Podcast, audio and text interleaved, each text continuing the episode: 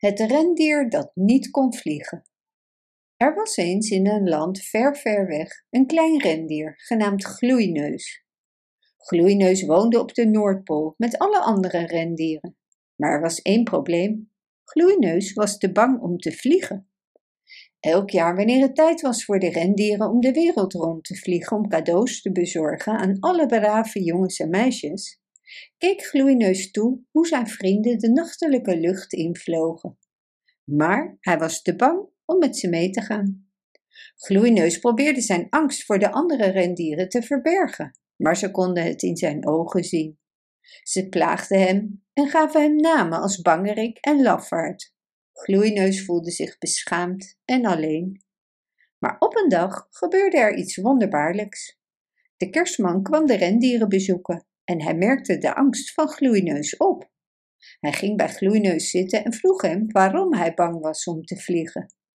En Gloeineus vertelde de kerstman dat hij bang was om te vallen en gewond te raken. De kerstman glimlachte en zei: Gloeineus, ik begrijp je angst, maar jij hebt een heel bijzonder geschenk. Jouw neus gloeit helderder dan die van elk ander rendier. En dat maakt jou heel belangrijk op kerstavond.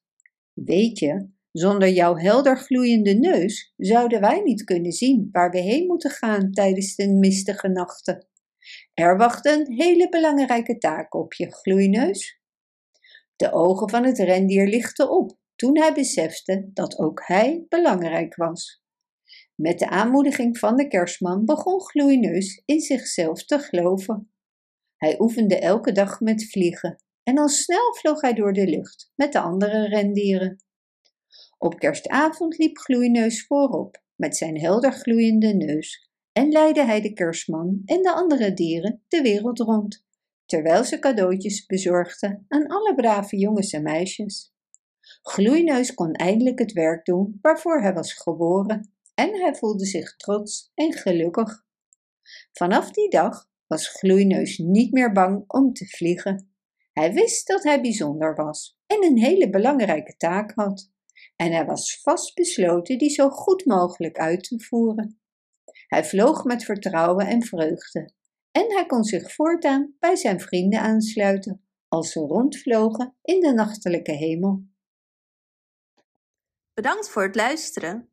Wist je dat je dit verhaal ook op onze website ririro.com/nl kunt lezen, downloaden en printen?